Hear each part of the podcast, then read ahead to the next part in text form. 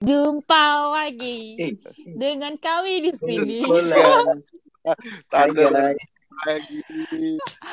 Hai malam pemirsa. Wah, di mana pun anda berada, bertemu lagi dengan kami. Apa kabar guys?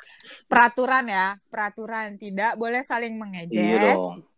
tidak boleh shaming. Nggak seru. Oh, Oke oke.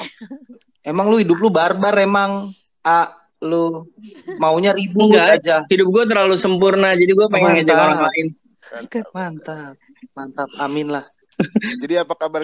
Eh, apa kabar guys? Guys, gimana? Apa kabar? Gimana weekdays-nya? Baik. Hari ini gimana Sabtu?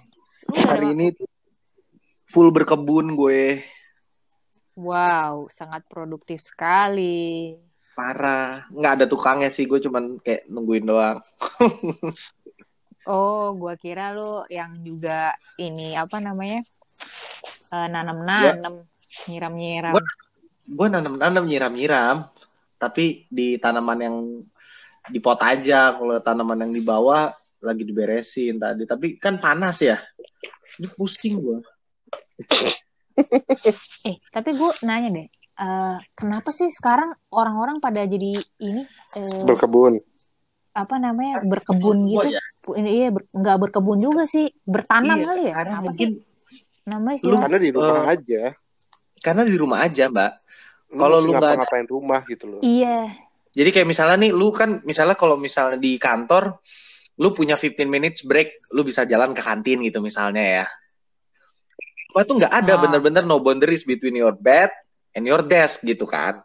Nah jadi orang yang aktivitas Ah. apa pun untuk kayak apa namanya get the juice flowing back gitu sih menurut gue ya. Kayak ngeliat tanaman, jalan-jalan di taman gitu loh. I- tapi kenapa maksud gue gini? eh be- berkebun atau bertanam itu kan bukan sesuatu hal yang baru ya. Dari kayak bersepeda deh contohnya Iya. ya. Kita kita mulai mulai mulai aja nih sekarang nih diskusi nih. kayak kayak contohnya bersepeda Hmm. nih ya. Sepeda itu kan sebelum adanya Covid ini, itu tukang sepeda udah ada jualan. Iya. Nah ya, sekarang tuh tukang sepeda belagu tau gak lo? Gua kemarin sepeda gua Hmm. rusak, Hmm. ya kan? Yang baru. Emang Kok tai eh, sih?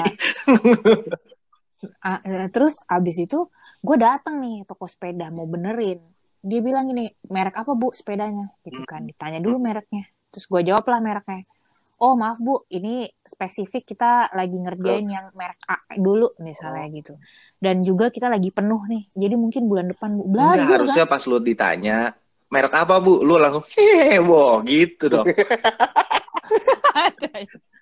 gitu dong, langsung diusir sih. Tapi anyway udah udah nggak ada ya dia going out of business ya.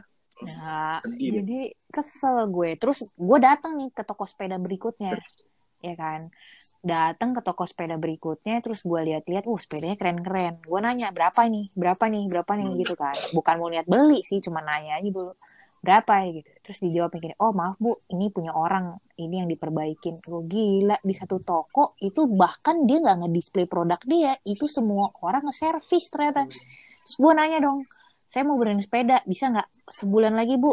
Buset, sebulan buat benerin sepeda, gila orang-orang. Hai Nala, bilang gitu. Hai Nala. Hai nah. Iya orang-orang benerin sepeda tuh sebulan, gue baru dapet buat jatah bisa bisa bisa benerin, gue gue gila sih, gue bilang. Apalagi dengan harga sepeda yang sekarang bisa setengah 50 persennya dari 100 juta ya gue bilang nih sepeda bisa apaan ya padahal dari dulu menurut gue gue bukan disregard ini ya orang-orang yang bersepeda ya cuman maksud gue dari dulu kan sepeda udah ada gitu Hmm. ya apakah ini tren-tren aja atau memang sekarang orang jadi berniat untuk berolahraga gitu Gitu. nah gue juga bingung nih berkebun tuh juga udah ada dari dulu kenapa nggak misalnya contohnya lempar lembing gitu olahraganya gue nggak tahu lah apa Tapi- asal sebut Tapi aja itu gue apa nyari-nyari apa? Nyari aktivitas aktivitas kan. Sama Ah. kalau kalau misalkan yang senengnya olahraga ya paling kayak gitu, Betul. ngikutin hype aja sepeda. Terus yang Betul. emang di rumah aja bingung, ya berkebun kan salah satu solusinya kalau bini gue justru nggak berkebun. Dan malas gerak. Kalau gue sih dia agak ini gerak. nambah-nambah perabotan gitu. Maksudnya bukan perabotan apa? Lukisan gitu-gitu. Jadi emang emang ada aja cari kegiatan yang lain gitu. Bener sih. Bener, ada yang mulai Betul, masak lah, betul. sekarang berkebun, ada yang ngeposting-posting, wah daunnya Kan numbuh pikirin dua, nih, kalau cabangnya itu kerja, numbuh, Tidur, posting. makan, kerja, tidur, makan, lu pasti stres banget, Mbak. Lu harus lain. Bener, bener, bener. Emang sih. Mm-mm, Tapi nggak mungkin Gua kayak ada seseorang yang mikir "Ah, aktivitas lain apa ah lempar lembing ah gitu jarang banget sih menurut gue. Jadi orang tuh kayak apa ya yang hijau-hijau enak ya gitu kan. Kan ada peribahasanya kan rumput tetangga selalu lebih indah gitu kan. Rumput gitu loh bukan Iya. apanya gitu ngerti kan maksud gue. Pasti Tapi gitu gue aja yakin maksud gue. kalau ada orang yang menginisiasikan buat lempar lembing, terus ternyata lempar lembingnya keren-keren nih lembingnya, misalnya lembingnya, gue kayak tahu aja lembingnya apaan. Itu bisa jadi hits juga bro, gue rasa. Enggak sih menurut gue. Bisa Enggak jadi sih karena ya. itu aktivitas yang kayak misalnya kita ngomongin olahraga aja itu bukan top of mind gitu. Kelereng, Tapi cuman kan iya, nggak mungkin sentil corona kan, ntar kayak nggak mungkin sih menurut Eh. gua. Sepeda itu kan Nih, enggak karena menurut gua ada korelasinya mbak dengan dengan covid ini apa? kan eh, apa men- meningkatkan daya tahan tubuh kan dengan tetap harus fit Ah. gitu. Nah orang-orang yang mau rekreasional tapi mau tetap fit ya mereka akan going for eh, sepeda gitu loh Ya. bersepeda. Menurut gua ya. Faktor Benar, benar. faktor Ah. Terus kenapa sepedanya sekarang mahal-mahal? Ya mungkin karena orang juga kan less activity, eh, apa namanya di tertiary good gitu ya. Ya jadi mereka punya ada eh, uang yang se- sebelumnya mereka pakai buat transport mungkin ya. Terus ke saving, akhirnya mereka ya udah beli sepeda. Menurut gue sih gitu ya. Savingnya lumayan, Lumayan. banyak juga. Terus ada juga mungkin yang dari mau beli gitu ya, yang eh, terus mungkin nggak boleh sama istri atau suaminya gitu.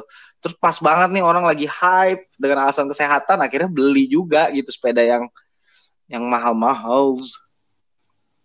Tapi kita ini eh, mumpung lagi ngomongin sepeda, kita udah kedatangan atlet sepeda, Firly Pirtahadi. Thank you, thank you. Eh, saya Itu, Ini adalah bintang tamu Eh, kita lagi malam ini nih. BMX.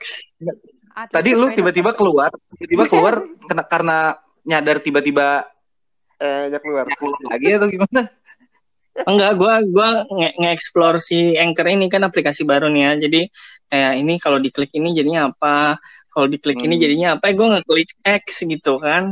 Kirain gua Tapi agak Ah, universal sih ah. nggak sih? X itu kan artinya cancel kan? iya iya benar X, juga sih. Cuman- sesuatu yang kayak Cuman warnanya Iya. merah aja gitu, jadi pengen lu pencet ya. Iya benar luar biasa lah ya. Kayak mm-mm, iseng banget nih tangan gue. Eh, sapa dulu dong pemirsa, sapa dulu pemirsa. Halo pemirsa se-Indonesia. Asik. Em, di sini ada Firly. Em, buat semuanya yang mau tanya apa aja bisa ke saya gitu ya, karena saya tuh bisa dibilang kayak expertise segala macem. Eh, jadi pendengar-pendengar di sini pasti bakalan beruntung banget gitu ya bisa kedatangan seseorang yang bisa dibilang expert di semua hal gitu ya pendengar-pendengar. Eh nih ngomong-ngomong kita kan belum opening ya nih, Le. Kayaknya yang sebelum-sebelumnya nggak akan dipakai ya nih. Jadi eh, maaf Fir, tadi baru latihan dulu Fir. Baru latihan nanti ngulang lagi nggak Nggak apa-apa. apa-apa, gue mah happy aja sama ngomong. Ini hari ini hari Sabtu Nah, guys, oke. Sabtu, Jadi gue pengen tahu gimana gimana kabar-kabar kalian seminggu terakhir, weekdays kerjaan gimana lancar. Lancar. Coba dari yang Eh, mungkin baru chat kemarin sama gue. Gimana nih kerjaan? lagi heavy lah. Mungkin semua semua company ngerasain lah ya akhir quarter gitu ya buat employee-employee, pekerja-pekerja, buruh-buruh eh, korporat di sini yang ngedengar gitu ya. Akhir quarter tuh emang agak-agak Rasanya apa sucks gitu rasanya? ya. Jadi emang agak workload. Ya, Rasanya tuh seperti Iron Man. deg-degan deg-degan gimana gitu seperti Iron Man, seperti Iron Man. Kirain rasanya anjing banget. Bro Kun, Bro Kun gimana Bro Atnil? Dulu Gue dulu kan. Gue gue gue gue gue gimana ya? Seminggu- pijit, pijit kepala soal minggu terakhir ya lumayan tough karena eh, apa namanya reset eh, target lagi kan ya situasi kayak gini FMCG mana sih yang nggak reset target gitu jadi itu lumayan bikin puyeng terus eh, for info aja minggu eh, eh, hari Jumat Jumat kemarin gue baru dapat kabar tim gue itu di hijack sama company U ini Menarik sekali pembicaraannya. Padahal, padahal dulu X, X di hijack itu dia. Enggak, dia free will kok. Free will, free will, free Yes. will. Karena ada eksis ya. Ya, jadi itu, jadi sedikit di hijack sama company U ini. Yang hijack juga teman gue sendiri, jadi ya sudahlah, wish her luck aja lah di tempat baru ini. Gitu. Hmm. Boleh dong dikasih tahu di under siapa tuh? Jangan-jangan di under FF lagi. Bukan, bukan. Gua nggak nge-hijack teman. Gue mau hijack tim lu, ah. Temen ada yang mau nge-hijack gua. Justru dia minta. Tapi Halo, halo. satu orang, ah, kalau boleh. Paling itu sih cerita gue, kalau resik, resik, resik. Atau Atnil lah, share. Siapa duluan angkat tangan? Sweet dulu nih. Eh, sok Mbak Resik dulu aja. Dulu Soalnya gue masih buka laptop ini. Oh, masih tetap nyari nama. Tetep. Gue apa ya? Ya, gue alhamdulillah nih mencari pekerjaan baru di luar pekerjaan yang ada sekarang. Cara- Wow. Kena, kenapa kenapa Wow. kayak gitu sih kalau boleh tahu? Iya. Deh. Banyak, Cin. Ya, banyak. Ya, salah satunya mungkin abang-abang di sini juga udah pada tahu kali ya sulitnya bekerja. Jadi pengen jadi bos sih. Cuman kan kalau di di satu company kan susah ya mau jadi bos ya. Selalu ada bos di atasnya lagi gitu kan. Apa sih? Enggak, intinya gue lagi mendevelop ini sih usaha Hmm, keren. karena kemarin ada satu bacaan ya yang yang agak menohok nih buat gue. Menohoknya adalah gini. Bukan uh, keberhasilan itu bukan suatu kewajiban. Ya, keberhasilan itu bukan suatu kewajiban. Kewajiban umat manusia itu adalah usaha. Hmm, Eh, Oke. itu aja udah kan namanya usaha. Usaha itu apa? Ya usaha bekerja di company atau buka usaha Hmm. gitu. Jadi gue mencoba yang kedua buka usaha Gue lagi gitu. Lumayan juga ya. Agak Oh, bukan waktu. bukan bukan ini ya? Bukan emang persiapan mau resign ya? Katakan mau resign. Oh, Kontennya langsung Itu tidak aman. salah ini. satu pun eh, pu- pundi-pundi untuk hari tua juga itu. Jangan di state di sini lah. Saya masih ada di situ. Adil, Atil gimana nih? eh, apa namanya? Gue sama mungkin ke- kayak lagi quarter close aja jadi banyak ada compliance checklist, ada eh, apa namanya? target juga, commentary segala macam lagi pokoknya lagi nyiapin buat closing deh. kok kata-kata Cuman- lu profesional banget sih Nil? Eh, oh iya. Berarti Emang iya? kita semua ya Nil. Kerjaan lu kayak paling paling bener di antara kita semua Nil. Yes. Lu eh, nyinyir banget sih. Cuman ya seminggu ini eh, agak capek aja. Cuman eh, untungnya ada stress stress relief tiap pagi itu nyiram tanaman gitu. Ada yang roaming nih di sini. FF. Oh, iya. Pak Firly, FF. kita tuh tadi tuh sebetulnya lagi light light discussion aja sih. Tadi Sabtu pagi ngapain? Terus besok aktivitas lo ngapain sih? Rencananya gitu. Coba, lu ada rencana nggak besok mau ngapain? Terlepas dari lu melihat tanaman lagi. Siapa nih? Afirli? Gue gua nggak yakin dia dia ini sih ada di situ sih. Cuman ya udahlah ya. Mungkin dia lagi boker lagi. Gue nggak Ya tahu. Gue nggak mau yang ngulang lagi ya. Gara-gara dia boker. Tapi sebenarnya nih, pertanyaan nih, besok lu ada rencana nggak?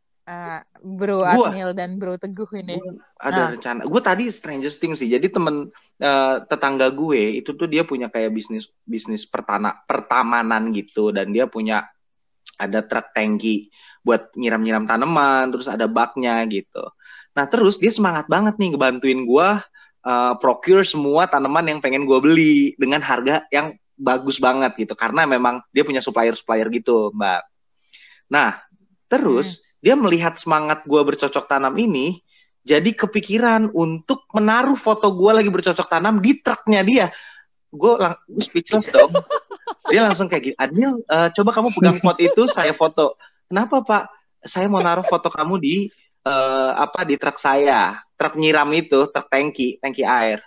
Terus dia bilang eh suami zaman sekarang bercocok tanam apa sih anjir? Cuman gue nggak nggak bilang Eh, apa sih. tapi lu pastiin itu bukan bukan ini ya, bukan tangki tangki septic tank ya, sedot ini ini ya? buat nyiram-nyiram gitu. Jadi dia senyum dong, senyum. Aduh, gua gua males banget deh kalau bener-bener dia nyetak stiker itu ya. Aduh. Sebenarnya itu buat ditaruh di kamar mandi, tahu buat fantasi dia gitu.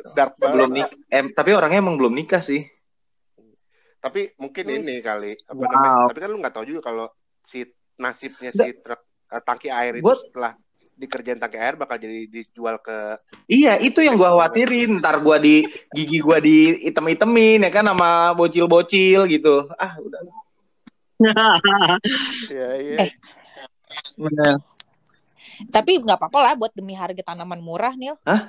Demi harga tanaman murah maksud lo kalau diangkut pakai ini. Oh iya, iya benar-benar. Gua membaik-baikin dia supaya gua tetap dapat tanaman murah kan. Itu memang niat gua, Mbak.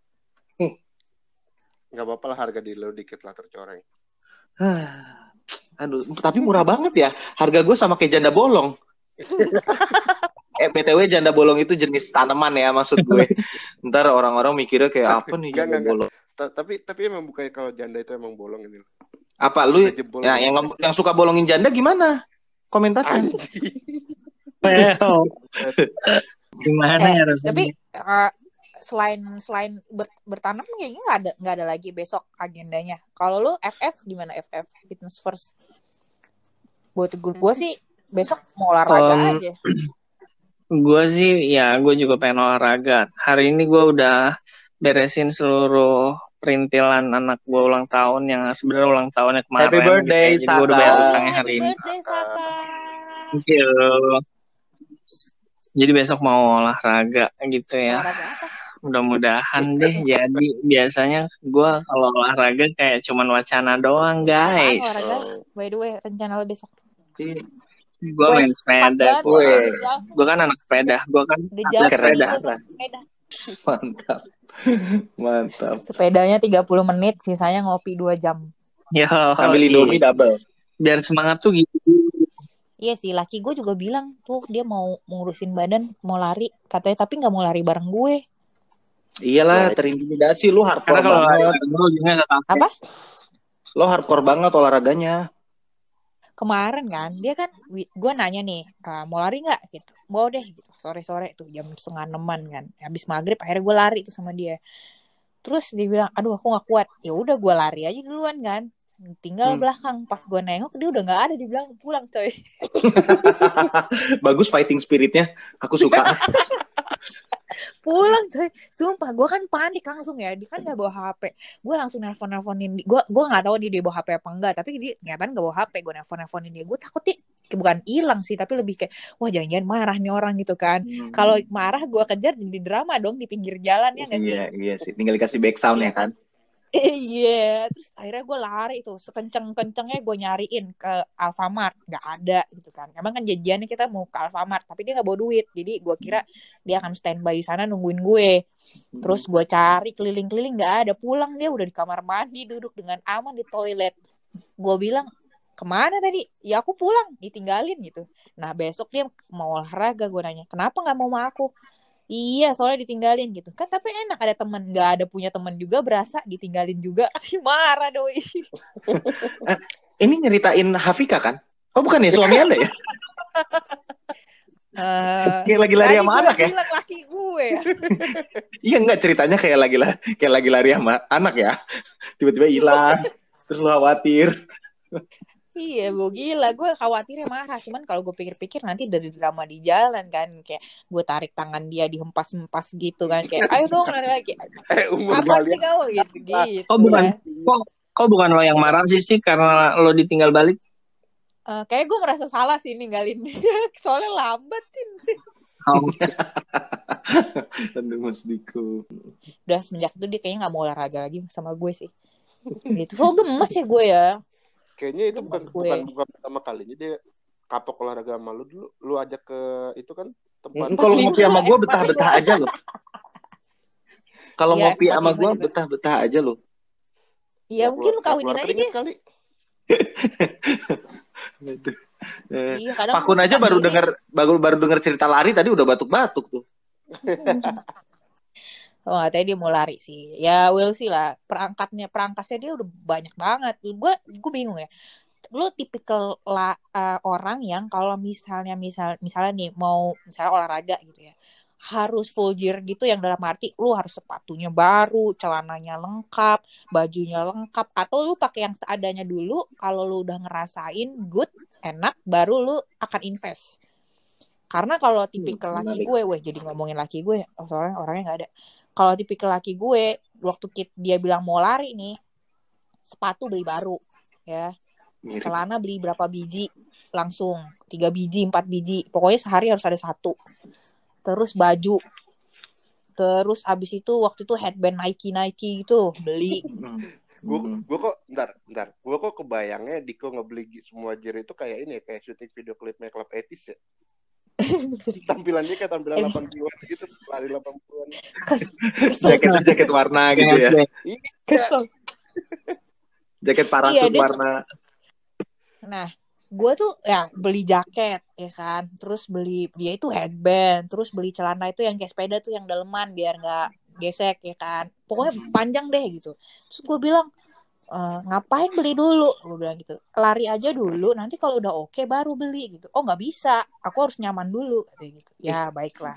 Gue sama Akhirnya banget tuh sih celana- sama Mas Diko. Nah, akhirnya tuh celana jadi pakai celana tidur.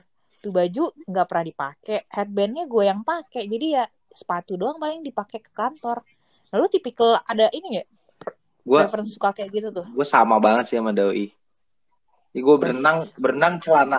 Gue paham sih logiknya. Kenapa? Iya, jadi lu harus pen, lu harus comfortable dulu gitu loh sama apa yang Iya. lu mau jalani dengan berat. Exactly. Dan ya berat karena itu tuh berat menurut yang nggak pernah olahraga. Jadi eh, logiknya itu adalah satu dia tuh buying time juga. yang kedua harus harus confi- hur- harus comfort dulu.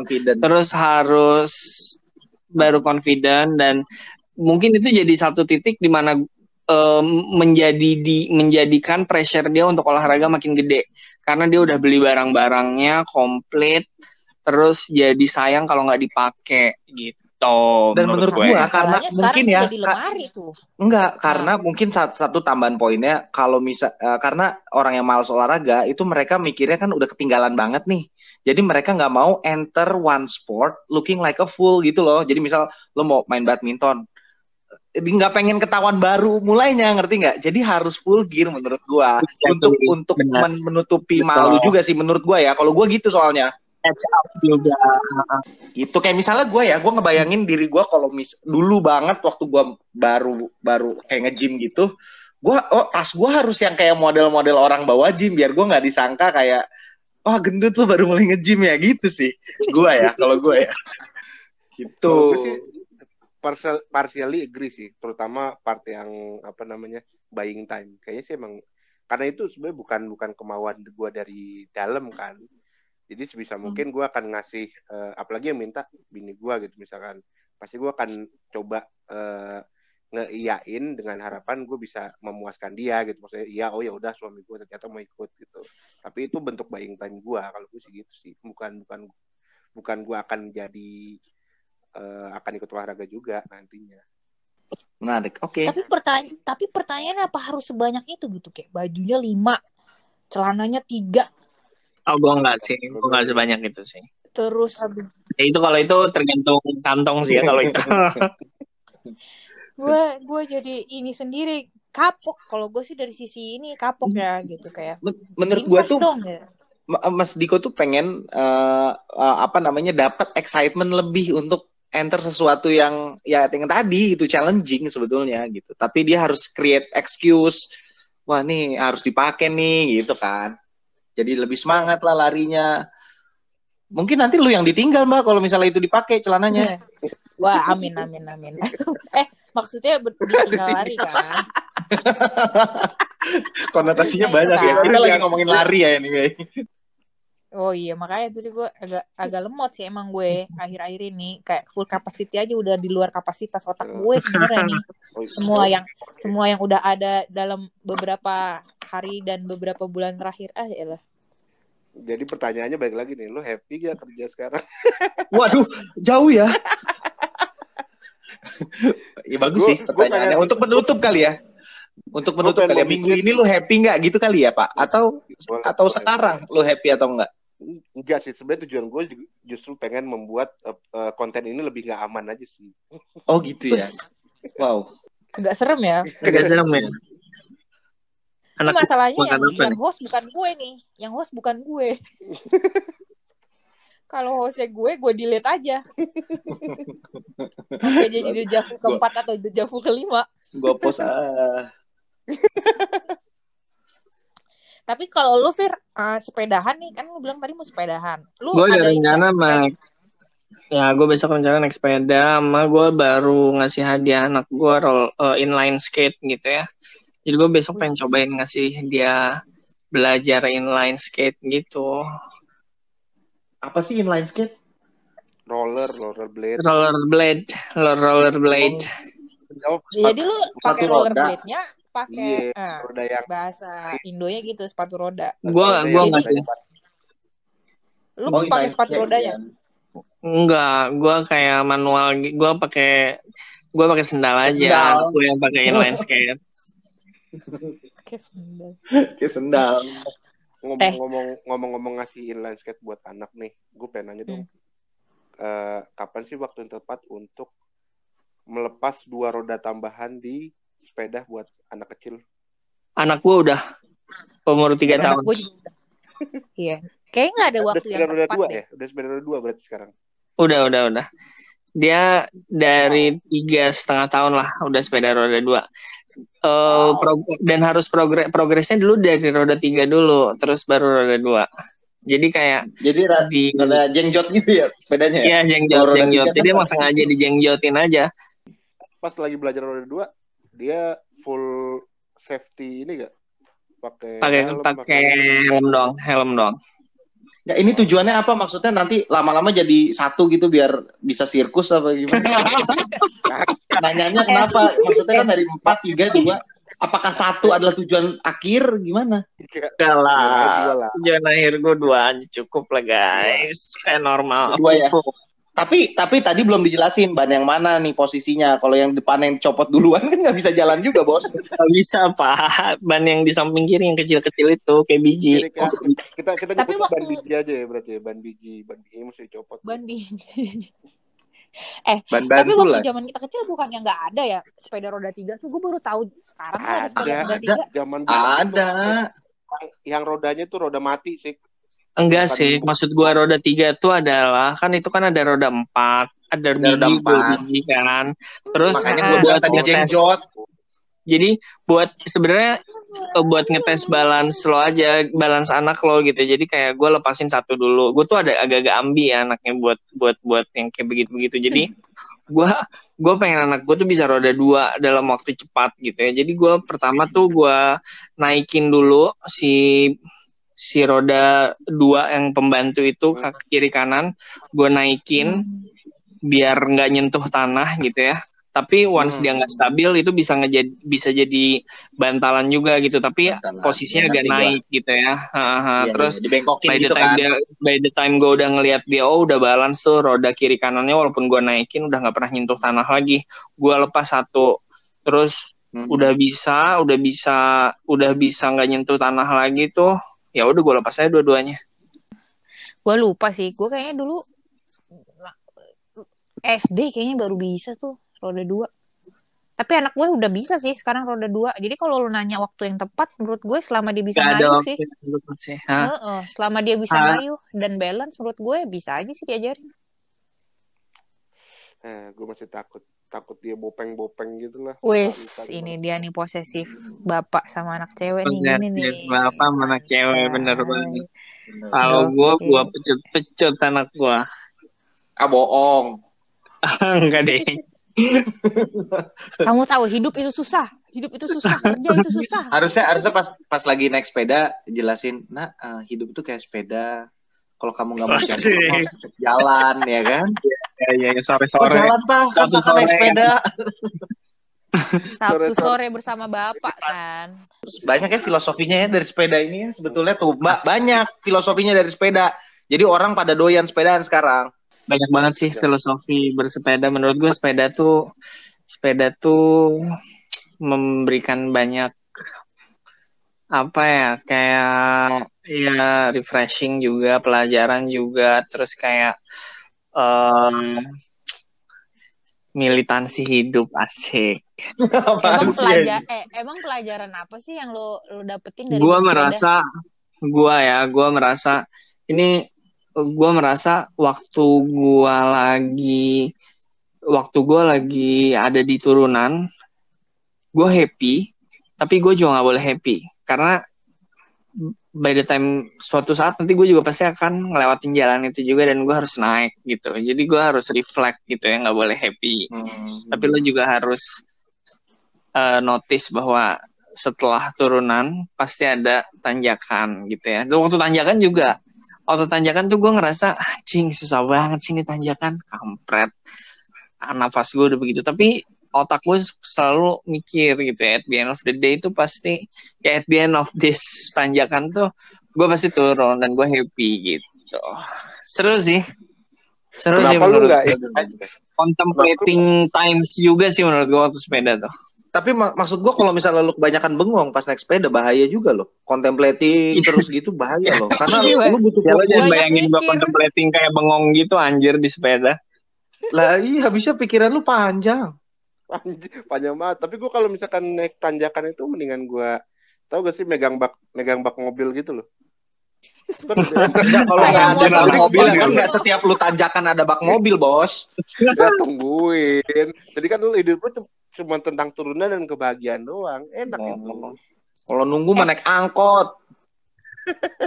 Enak tinggal naik. Tapi ya, yang gua nggak suka kalau naik sepeda itu adalah dia nggak punya spion. Itu dia. Yang kalau ada ngomongin ada filosofis, aksesoris dong. Toko aksesoris. ada, ada sekarang mah ada sennya, ada klakson, semuanya ada. Knalpot Oh, gua- racing juga ada buat sepeda. tapi yang gua ngeh tuh ya, gue yang paling gua nggak suka itu adalah kalau naik sepeda tuh dia nggak punya spion sampai akhirnya gue itu kadang-kadang tuh suka takut kalau mau belok ke kanan mau belok ke kiri. Jadi kalau ngomongin filosofis hidup, itu worry-nya adalah lu kadang-kadang melihat ke depan aja tanpa harus melihat ke belakang. Bener sih, harus ngelihat depan terus. Cuman kadang-kadang ada baiknya kali lihat ke kanan kiri ke belakang juga. Kalau nggak kan lelah ya ngelihat ke depan terus. Iya nggak sih? Masih ngomongin filosofi sepeda dan hidup ya, mantap. Mantap. gue mantap. Eh. tentang sepeda. Gimana Nah nih sekarang ngomongin filosofi aja yang disukai masing-masing. Tadi kan Firly cerita soal sepeda nih yang didapetin. Adnil beda. Adnil ber, ber- apa bercocok tanam. Enggak, kan? enggak. Gue sepeda juga ada filosofi hidup buat gue. Ya, oh ada. Jadi lu sepeda tuh kayak hidup. Ah, ah, in order to eh, apa namanya buat itu tetap jalan, ya lu harus bergerak, lu harus goes gitu. Kalau lu berhenti, jatuh lu gitu. Berarti nggak cuma sepeda doang dong, motor juga gitu. Motor kan tinggal digas, ini kan bergerak. Kalau di motor lu bergerak-gerak jatuh. Ini kan kita lagi ngomong sepeda. Iya. ya? Hmm, Iya dong, gerak-gerak maksudnya kakinya harus digoes gitu. Benar. Gue mau ngomong tapi nggak berkaitan sama sepeda gimana dok? Enggak apa-apa. apa? Nggak apa-apa. Kan ini filosofi, Filosofi. hidup mungkin kita bisa obrolin filosofi hidup yang yang bisa lo dapetin dari hobi lo sekarang mungkin. Benar. Gitu kita. Nah, iya, Mas Kun benar. apa? Mas Kun, Mas Teguh, Kalau Mas gue Teguh. filosofinya filosofi bukan sepeda sih maksud gue. Kalau gue kan emang dari dulu seneng banget lagu kan. Jadi Nah. mungkin orang-orang juga tahu nih kalau misalkan dari dulu tuh filosofi gue tuh salah satu lirik lagu dari eh, dari grup band yang gue suka. Mm. Nah. Jadi judul lagunya November Rain. Jadi kalau lo dengeran Oh. lirik uh, Never mind the darkness, we still can find a way. Nothing lasts forever, even even cold November rain. Jadi kayak gitu aja. Uh, lu punya masalah apa? Pasti we can still find a way gitu aja sih kalau gua gua dari dulu selalu nganggep itu. Musik ya, musik Oke. mantap juga ya. Dan itu Kalau- itu kerja uh, teman gue bengong ya gue dengerin lagu itu. Kalau gue lagi suntuk lagi apa dari sejak SD kelas 6 itu kayak gue dengerin itu terus sih. Gitu. Emang Jadi terakhir kapan sih Pak lagu itu ngena banget ya? Nah, nah, itu itu itu itu masalah hidup in general ya bukan In general ya. Iya sih, gue setuju. bukan masalah terus kema- kemarin gue baru ngobrol sama orang maksudnya bukan ini sih maksudnya salah satu eh, leader di kantor gue yang baru ini Jadi dia dia, dia sempat ngomong eh, ya pokoknya never waste a good crisis gitu kan karena kan kita sebenarnya kan sekarang kalau pandemi ini kan juga salah satu bentuk krisis juga kan Mm. jadi percaya aja kalau lu bisa overcome the crisis pasti lu akan menjadi se- seorang yang pribadi yang lebih eh, matang sih ke depannya gitu Mantap ya. Bener, bener sih. Gue setuju. sekarang jadi kayak punya dua dua pandangan ya dua filosofi itu aja sih yang gue pegang Mm-mm. Tapi krisis lu, krisis tuh lu akan dapet ketika lu keluar dari comfort zone kan, Pak? iya ya kan Iya. keluar dari comfort ya kan sebenarnya kan pandemi ini kan juga juga bukan Betul, makanya itu kan memaksa kita keluar dari comfort zone kita kan. betul Betul. ya.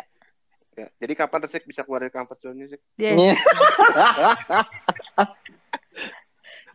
Eh, ini gue lagi belajar. Gue lagi belajar men- Dari menitik sepeda. ini gue. Bu dari mulai mulai jualan lemon. Terus Dap- mulai apa, diko dikotakin dikotakin di kot bu- bikin ini mulai apa terjun ke dunia ini ya food beverage gitu kan. Waduh. Itu salah satu ini sih eh, action gue di luar comfort zone gue. Gue Hmm. bisa dibilang nggak pernah jualan sama sekali. Belajar jualan tuh nggak pernah. Jadi digital marketing sekarang orang heboh gitu ya, udah bisa ke mana-mana. Gue tuh melongo gitu.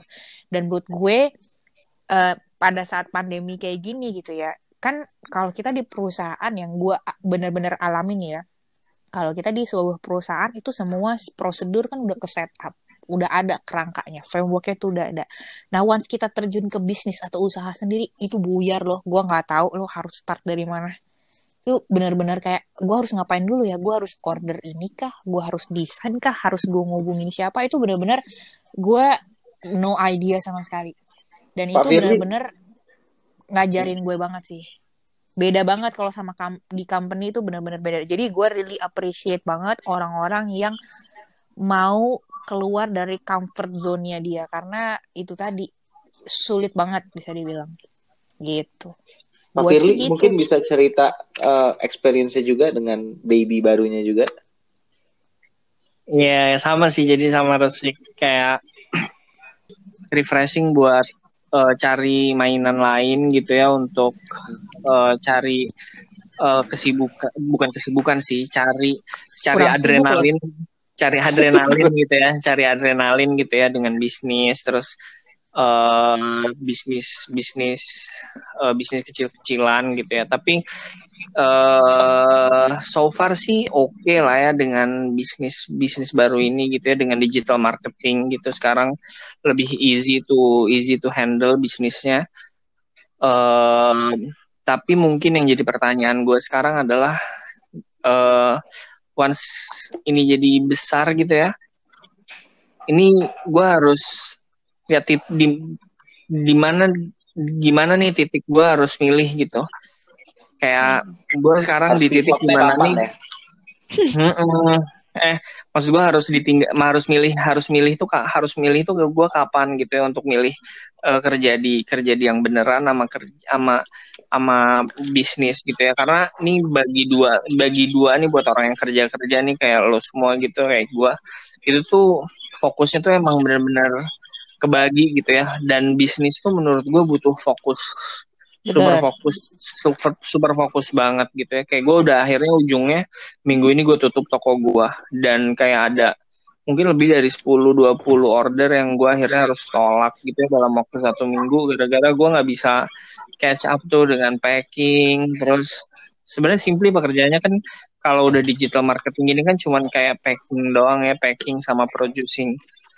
Tapi eh, susah buat fokus sih menurut gue. Jadi emang kesulitan buat bisnis kayak gue dan resik gitu ya itu adalah gimana cara nih fokus eh, ke bi- fokus bisnis karena waktu bisnisnya mau meluncur itu tuh benar-benar harus harus nggak bisa kalau kita ngambil ngerjain yang lain kayaknya I don't think it will happen segitu dan getting Benar. bigger menurut gua. I- itu Hmm. ada sih cerita temen gue dia tuh su- sukses banget ya. Jadi simple dia jualan jeans. Dari awalnya jualan kerudung ya jualan kerudung terus sekarang expand lagi jadi jualan baju muslim terus dia expand lagi sekarang jualan jeans. U- adek gue pernah nebeng jualan kayak pembersih sepatu sama dia ya. Itu sampai ratusan laku gitu. Gara-gara dia post saking banyaknya followernya dia gitu ya Hmm. dan gue dia pernah bilang bahwa kalau bisnis itu bukan sampingan tapi itu adalah fokus lo jadi jangan pernah mentreat bisnis lo yang kayak mungkin gue gini ya jualan ini itu ini itu tuh adalah sampingan gue tapi kalau itu nggak akan pernah membawa lu sukses sih kalau itu jadi lu anggap itu sebagai Hmm. sampingan Hmm. Nah bener kayak yang Firly bilang bahwa ada titik poin di saat kita mau ambisinya adalah simple dong. Pengennya nih bisnis ngegantiin at least gaji kita yang sekarang aja. Cuman kan nggak semudah ngebalik telapak tangan ya besok-besok langsung laku gitu. Ada yang kurang lebih untuk menggantikan itu 2-3 tahun mungkin lebih gitu ya ke depannya. The things adalah ya it's all about our choice gitu. Gimana kita bisa percaya sama produk kita sendiri or even better adalah ke diri kita sendiri bahwa kita bisa ngelakuin ini. Itu yang menurut gue nggak semua orang punya nyali Iya itu sih. sih. Lu lu butuh leap of faith ya. Yes, itu. Jadi lu Ya. percaya diri satu sama percaya produk lo dan lebih lagi percaya sama Tuhan sih menurut gue. Oh, iya.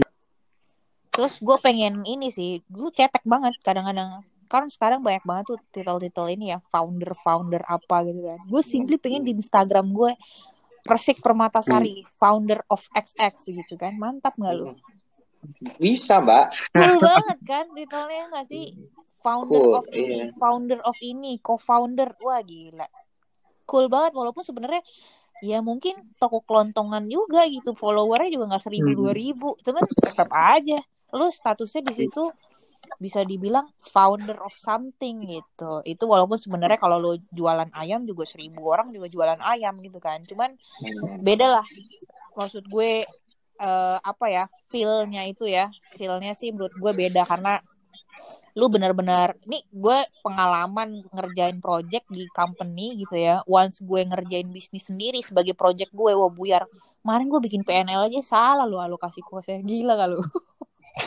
Gua Seru ya, bilang, seru ya. "Udah, Mungkin jualan lele tapi seru Fir." tapi seru. Lele gak pernah tapi seru, Seru, eh, seru on top of semua kepesimisan gua kepesimisannya mungkin ada sedikit kepesimisan resik tuh kita masih tetap nyoba gitu ya gimana tuh crack this gitu Benar. somehow tuh pasti bisa lah seorang pekerja gitu ya eh, budak korporasi kayak kita harusnya untuk bisa eh, nyoba terus ngebuat ngebesarin baby kita gitu harusnya bisa sih just a matter of Ya. time Jadi yang kita perlu mesti tahu adalah besar itu adalah relatif menurut gua. Jadi besarnya ini mau kayak gimana? Lu mau kayak tiba-tiba eh, bebek suryo gedenya atau kayak misalnya Itlah gitu misalnya atau McDonald lu punya franchise atau outlet di mana-mana menurut gue besar itu relatif. The things adalah kita harus bisa syukurin sih apa yang bisa kita, yang kita jalanin dan kita sudah hasilkan menurut gue. Kayak itu yang kema yang tadi gue cerita kalimat bahwa keberhasilan itu bukan suatu kewajiban tapi usaha itu adalah wajib itu yang menurut gue kena sih usaha kita yang penting tetap harus usaha gue di mana pun jalannya ya nggak oh kok jadi serius That's- dari sepeda I think that's gonna be our final notes for today's episode. Karena nggak ada lagi yang bisa top that. Gua nggak bisa banyak Gimana? karena gue nggak punya apa-apa. Sama lagi. Kita kan enggak, kita kan supporter. Kita kan Iya, iya. supporter. Kita akan membeli semua produknya kan, Pak? Iya betul. Eh, Iya dulu. dong. Itu juga itu one kind of support that we can give. yes tanpa minta diskon oke iya dong. Kemarin gue baca di postingan salah satu Instagram gitu ya, ada yang bilang saya sangat berterima kasih terhadap teman-teman saya sendiri yang tidak pernah meminta diskon atau harga teman, karena itu berarti Iyalah kalau teman jangan minta diskon dong. minta gratis. Minta Gratis. Kalau teman jangan minta diskon, bayar aja, ya kan? Iya, karena itu adalah salah satu bentuk support seorang teman terhadap usaha temannya. Iya. Iya. True, gue setuju. Tapi gue masih tetap sih kadang-kadang, eh gue beli dong, ya berharap juga sih dia jawab, yaudah gue kasih diskon deh gitu, walaupun gue tidak berharap meminta aja, ya enggak. lu berekspektasi berarti. Nah, hati-hati. Ekspektasi beda cerita lagi nanti. Hmm. Iya, boleh deh kita ngomongin ekspektasi nanti di episode selanjutnya mungkin. Iya. Eh, terima kasih eh Udah nih. semuanya, Udah nih. terutama Pak Firly. Udah dong, udah sejam coy. Gue udah lapar ini, perut gue udah keroncongan. Pak Kun udah ngambilin heller lagi. ya. Pak Pak. Firly mau balik boker lagi pasti. Iya nih gede banget nih, kayaknya udah mulai nongol-nongol lagi nih. Kesel banget. Oke. Oke.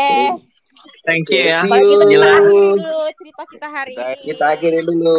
Bye. Semoga bermanfaat. Jangan- Selamat bermalam Bye. minggu. Wah, filosofi. Bye, happy weekend guys. Ah.